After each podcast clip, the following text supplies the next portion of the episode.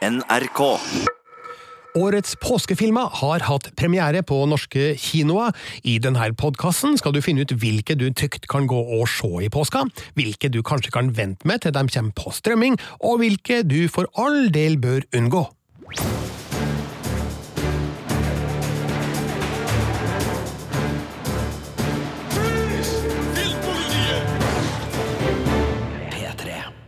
Velkommen til en ny podkast fra Filmpolitiet. Jeg heter Birger Vestmo og har sett og anmeldt sju av de åtte påskefilmene i år. Den åttende, den franske filmen Fransk opprør, så jeg riktignok på filmfestivalen i Cannes i fjor, men har dessverre ikke rukket å skrive anmeldelse av den, men jeg husker det som en god dose fransk sosialrealisme om en fagforening som kjemper mot nedleggelse av hjørnesteinsbedriften arbeiderne jobber på. Men i løpet av podkasten her får du dommen over filmene Hellboy, Holiday, After, Journal 64, Lykkelige Lazaro, Asterix trylledrikkens hemmelighet og Drømmeparken. Og jeg starter med den første av de, nemlig Hellboy.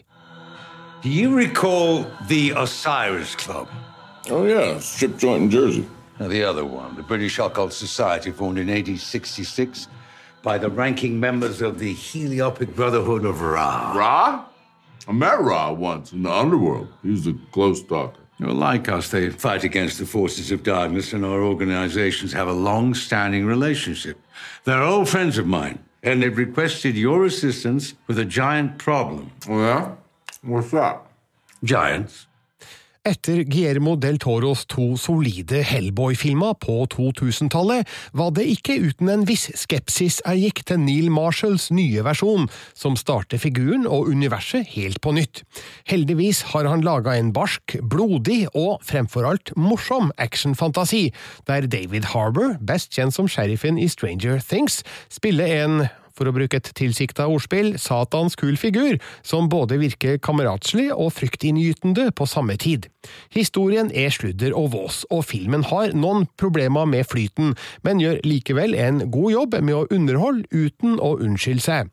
Hellboy er av natur en trashfilm som ikke tar seg sjøl det minste seriøst, og som tråkker så kraftig til i voldsestetikken at en gammel actionelsker lett lar seg begeistre.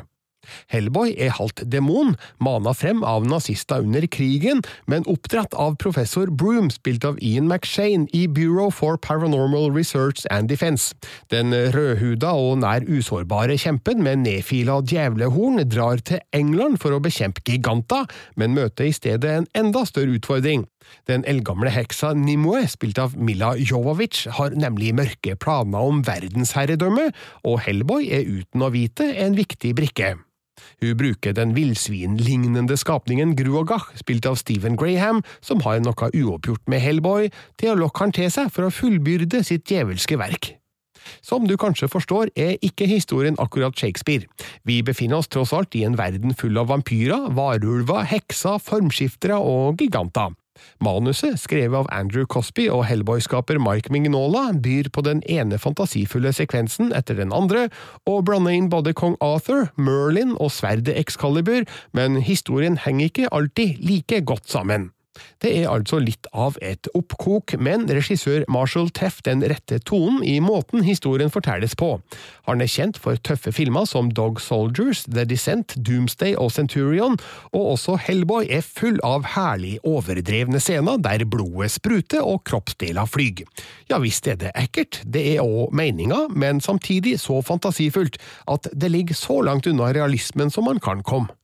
Hellboy kommer aldri til å lovprises av cineaster. Den henvender seg til tilhengere av tegneserier og fantasy-sjangeren, og er uforskamma underholdende med sitt rikholdige univers av morsomme, fargerike og grufulle figurer. Ikke all dialogen er like interessant, og man bør ikke pirke i handlinga, for da står den i fare for å ramle sammen som et korthus, men i en sjangerfilm som det her er det egentlig ikke særlig viktig. Det her er voldsforherligende tegneserieunderholdning som kun eksisterer for å underholde, og gjør gjør samtidig ære på kildematerialet. Hellboy er kanskje ingen Oscar-kandidat, men fungerer utmerket på sine premisser. Sjøl med visse innvendinger er det lett å gi filmen en klar anbefaling.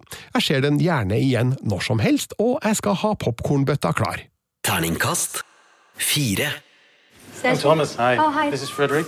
Hi, Sasha, you said? Sasha. Hi. Yeah, nice to Thomas meet you. Frederick. Frederick. Yes. He's a real estate agent. I, I used to be in marketing, but now I live on a boat. Okay. Just sail the seven seas. Really? Yeah. And you, you were on holiday? Yeah, me and my friend. Uh, yeah, we were on holiday. Just um, a bunch of uh, a- a bunch of friends together uh, Yeah. in a villa. Ah. Yeah, in the mountains. Yeah. Oh, wow. Yeah, it's beautiful. Barbecuing, the pool. Yeah, nothing else. Yeah. Really? Sounds Yeah, we're great. just barbecuing. Den danske filmen Holiday sjokkerer og provoserer gjennom det som skjer med hovedfiguren, og hvordan hun reagerer på det.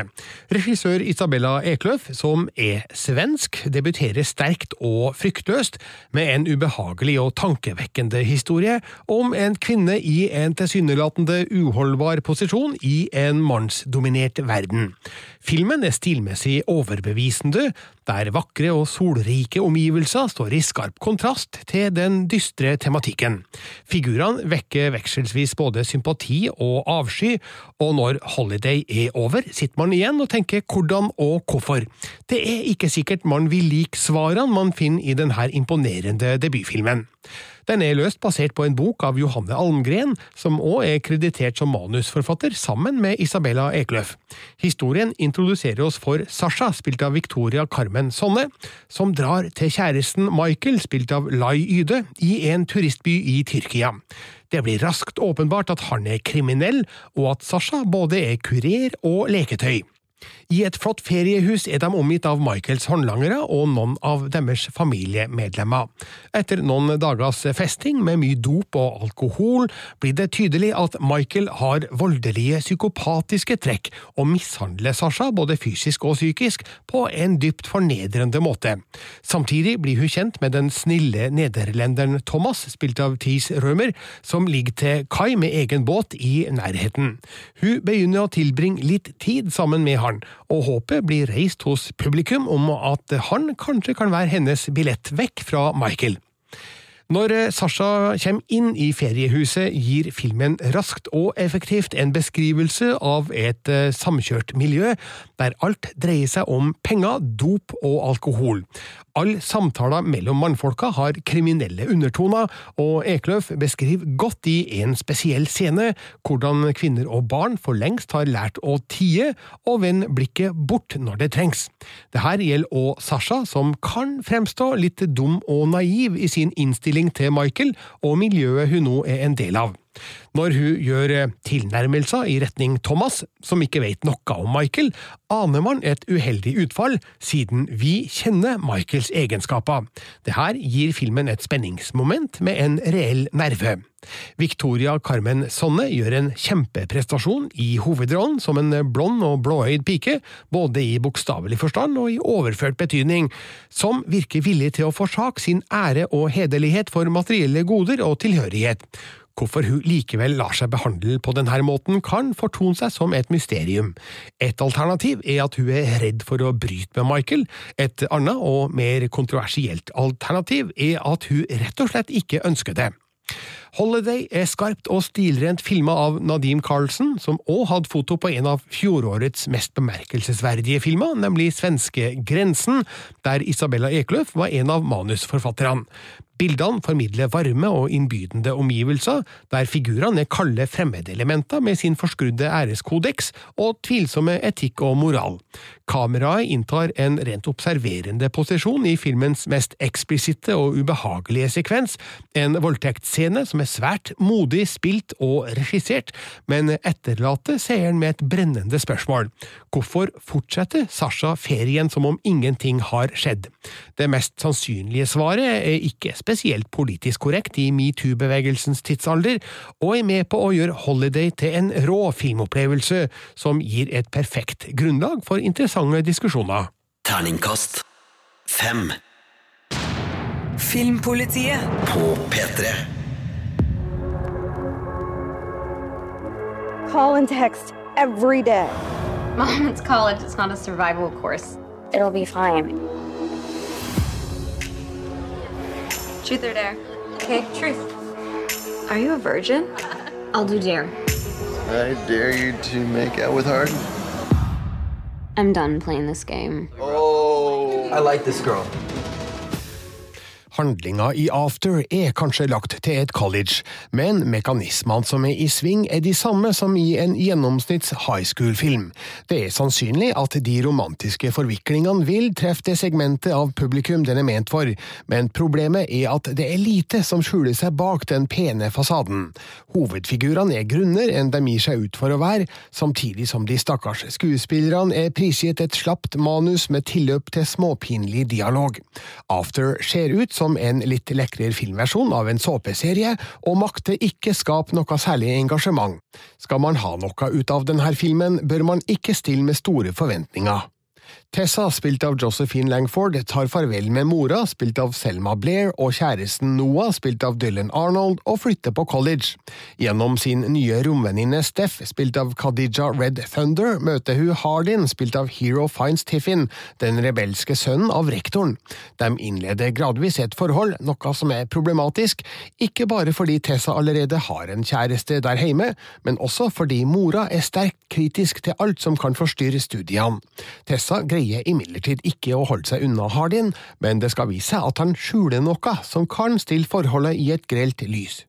Australske Josephine Langford er storøyd og sympatisk i hovedrollen, sjøl om man ikke helt tror på graden av Tessas naivitet. Matchen mellom Langford og Hero Finds Tiffin som Hardin er heller ikke helt god. Han skal liksom være en litt skummel rebell, men er for stiv i replikken, og fremstår som en helt ufarlig sutrekopp, med påmalte tatoveringer, en lånt skinnjakke og en svart veteranbil som ikke kler han. Det oppstår for små gnister mellom dem til å skape nok hete i romansen, og da er det òg vanskelig å opparbeide seg spesielt store følelser for figurene. After er bygga på flere dumme forviklinger, blant annet et anspent møte mellom mor og datter et stykke ute i filmen, der utfallet får man til å himle med øynene. Den store åpenbaringa mot slutten skaper enda mer himling, og man spør seg sjøl er det her alt? Og det er det. Filmen er basert på en bokserie av Anna Todd, som først ble publisert på den digitale plattformen Wattpad, og skal være inspirert av bandet One Directions musikk og tekster. Den skal ha et voksent innhold med innslag av eksplisitt språk, sex, narkotika og avhengighet, men det er lite igjen av det i filmversjonen, der alle skarpe kanter er fjerna. Det beste som kan sies om After, er at den er smakfullt filma av Adam Silver og Tom Betterton, og at den har et anstendig soundtrack. Bortsett fra det er det her en svært middelmådig filmromanse som vil slite med å finne et særlig stort publikum. Terningkast tre. Karl, jeg leste hva du skrev om meg i din anbefaling. Mhm. Hva er det for meg? Assad har siden 2013 arbeidet for meg på afdeling Q. Han har utført arbeidet som forventet. Fem år, Akar. Var det det beste du kunne finne på å si? Er du ok med, at jeg tar vekk med hende? Ja. Vi er kolleger på en politistation. Kolleger på en politistation? Er det det, vi er? Journal 64 er den fjerde filmen om cold case-gruppa Avdeling Q hos politiet i København, basert på Jussi Adler Olsens bøker. Den er kvalitetsmessig på høyde med forgjengerne, Kvinnen i buret, Fasandreperne og Flaskepost fra P, hvilket betyr at det her er vellaga spenning og dramatikk, med noen små, men velplasserte actionscener. Utviklinga i filmens mysterium kan nok virke en smule fantasifull, men har et utgangspunkt med en urovekkende rot i virkeligheten. Journal 64 har et spenningsnivå som en fin påskekrim, den bare ser mye bedre ut, og har to hovedpersoner som for alvor er i ferd med å etablere seg som nordiske krimhelter. Det gjøres et uhyggelig funn av tre mumifiserte lik bak en falsk vegg i en leilighet i København. Det her pirrer nysgjerrigheten hos etterforskerne Carl Mørk, spilt av Nicolai Likås, og Assad, spilt av Fares Fares, i Avdeling Q, som har gamle saker som sin spesialitet. De oppdager at ofrene hadde en forbindelse til en kvinneanstalt over 50 år tidligere, og vi får i flere tilbakeblikk se hva som skjedde der gjennom øynene til ett av ofrene, Nette, spilt av Fanny Leander Bornedal. Samtidig er det oppbruddsstemning mellom Carl og Assad, fordi sistnevnte har meldt overgang til Økokrim og har bare én uke igjen i avdeling Q. Assad lar seg irritere av at Carl ikke ser ut til å bry seg, og samarbeidet blir satt på prøve, mens de oppdager at noen forsøker å holde fortidas synder skjult med alle midler. Journal 64 er en ren sjangerfilm der man kanskje ikke blir overraska over de fortellertekniske eller estetiske valgene, men handlinga har et klart driv og en underliggende spenning som gjør det her til god underholdning. Historiens konspirasjon blir etter hvert i overkant fantastisk og usannsynlig, men holder nysgjerrigheten ved like, og har interessante elementer som man kan gjenkjenne fra virkeligheten, både historisk og i samtida. Man kunne ønske seg større og mer utspekulerte spenningsmomenter i filmens siste fase, der det burde være mer å hente enn det som er skapt, men Journal 64 er like fullt en solid krimfilm, med nok av kvaliteter til å tilfredsstille sjangerens tilhengere. Terningkast fire. Filmpolitiet. Dette er P3.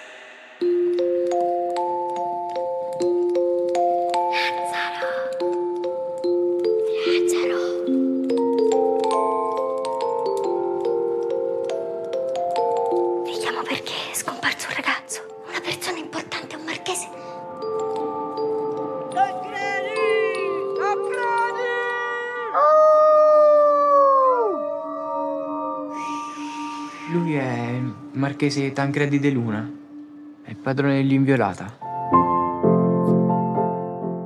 Den italienske regissøren og manusforfatteren Alice Rohrwacker forteller en fortryllende fabel i Lykkelige Lassaro, en historie i skjæringspunktet mellom folklore og virkelighet i både fortid og nåtid.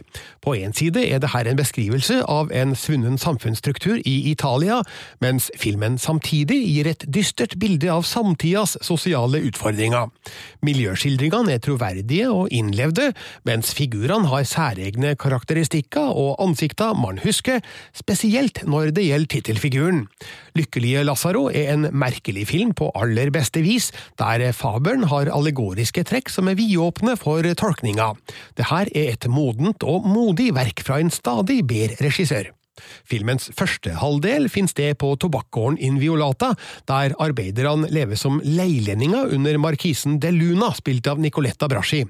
Den avsidesliggende gården har vært totalt isolert etter at en bru, den eneste forbindelsen med omverdenen, kollapsa i en flom. Derfor har markisen greid å holde det skjult for sine leilendinger at denne praksisen for lengst er avskaffa alle andre steder. En av arbeiderne er Lazzaro, spilt av Adriano Tardiolo, en snill og rolig ung mann med engleansikt.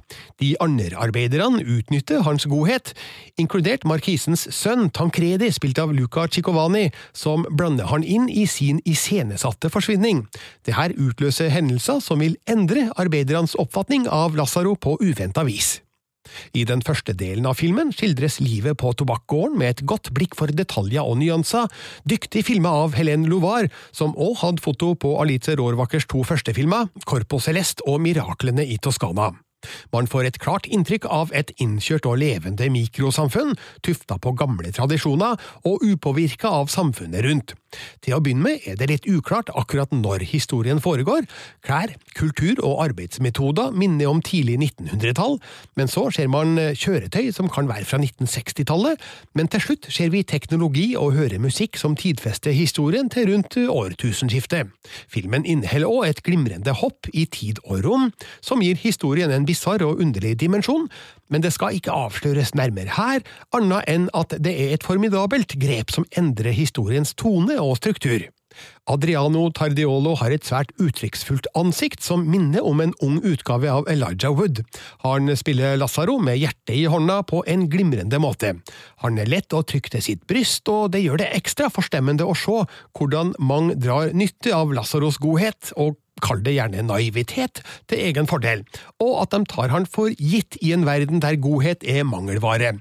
Alba Rårvakker, regissørens søster, spiller en interessant figur i filmens siste halvdel, som kanskje er den eneste som har et reelt hjerte for Lazaros åpne og ærlige personlighet. Lykkelige Lazaro er leken og lystig, men òg dyster og foruroligende. Filmen skildrer effektivt kontrastene mellom de etablerte forholdene på den isolerte gården og de usikre levekårene ute i verden, og man må spørre seg hva som er best av trygt slaveri og ustabil frihet. Det her er en kvalitetsfilm som fortjener din oppmerksomhet, og befester inntrykket av at Alice Rohrwacker er i ferd med å bli en av Europas mest spennende filmskapere. Terningkast fem. Som landsbyens trollmann må jeg være meg mitt ansvar bevisst. Alt har gått bra i alle år. Ikke engang har jeg vrikket ankelen. Ikke én. Og så, uten varsel krakk! Fra nå av kan ikke jeg være den eneste som kjenner oppskriften til styrkedrikken. Hva? Jeg må dra ut og finne en ung etterfølger som får lære seg oppskriften på den magiske drikken, og som blir den nye trollmannen i landsbyen. De franske tegneserieheltene Asterix og Obelix inntar kinolerretet med overbevisende fart, tyngde og vittighet i filmen Asterix trylledrikkens hemmelighet. Det her er den andre digitalt animerte filmen med de her figurene, og det er ingenting ved den som tilsier at det her universet nå er 60 år gammelt. Deres tilsynelatende evigvarende appell utnyttes fullt ut i denne morsomme filmen, som kanskje ikke har noe revolusjonerende nytt på agendaen, men more og underholde gjennom hele spilletida med en sprek og fartsfylt historie. Den aldrende trollmannen Miraculix blir utsatt for et uhell som får han til å innse at det er på tide å finne en yngre trollmann som kan betros den hemmelige oppskrifta til den magiske trylledrikken som gjør gallerne supersterke. Sammen med Asterix, Obelix, høvdingen Majestetisk og noen andre legger han ut på leiting etter mulige kandidater. Samtidig har den mislykka trollmannen Sulfurix slemme planer for å sikre seg oppskrifta fra Miraculix, og dermed ta hevn for et forsmedelig nederlag han mener seg påført i fortida. Han allierer seg med den unge trollmannen Teleferix, som er helt uvitende om sin mesters hensikter. Det her er en dyktig laga animasjonsfilm med store, flotte bilder, kjapp og effektiv klipping og et herlig aggressivt og overdrevent lydspor. Detaljnivået er kanskje ikke det største og mest imponerende, og kvaliteten ligger noen hakk under de beste produksjonene fra amerikanske konkurrenter, men bildene samsvarer likevel bra med uttrykket fra Asterix-tegneseriene, som er blitt utgitt fra 1959 til i dag. Man kan si at filmen er laga i skaperne René Goscinny og Albert Uderzos ånd, for både i stil og innhold er det som å lese en av deres historier, bare med i hermetegn levende figurer i et mye større format. Goscinny døde allerede i 1977, bare 51 år gammel, men den nå 91 år gamle Uderzo er forhåpentligvis stolt av hvordan Asterix lever i beste velgående på film i 2019. Asterix trylledrikkens hemmelighet vil more unge kinogjengere, samtidig som den vil høste anerkjennende nikk fra voksne kjennere, for sjøl om det her på all måte fremstår som en moderne animasjonsfilm, ivaretar den likevel de her figurenes tradisjonelle særpreg og karakteristikker.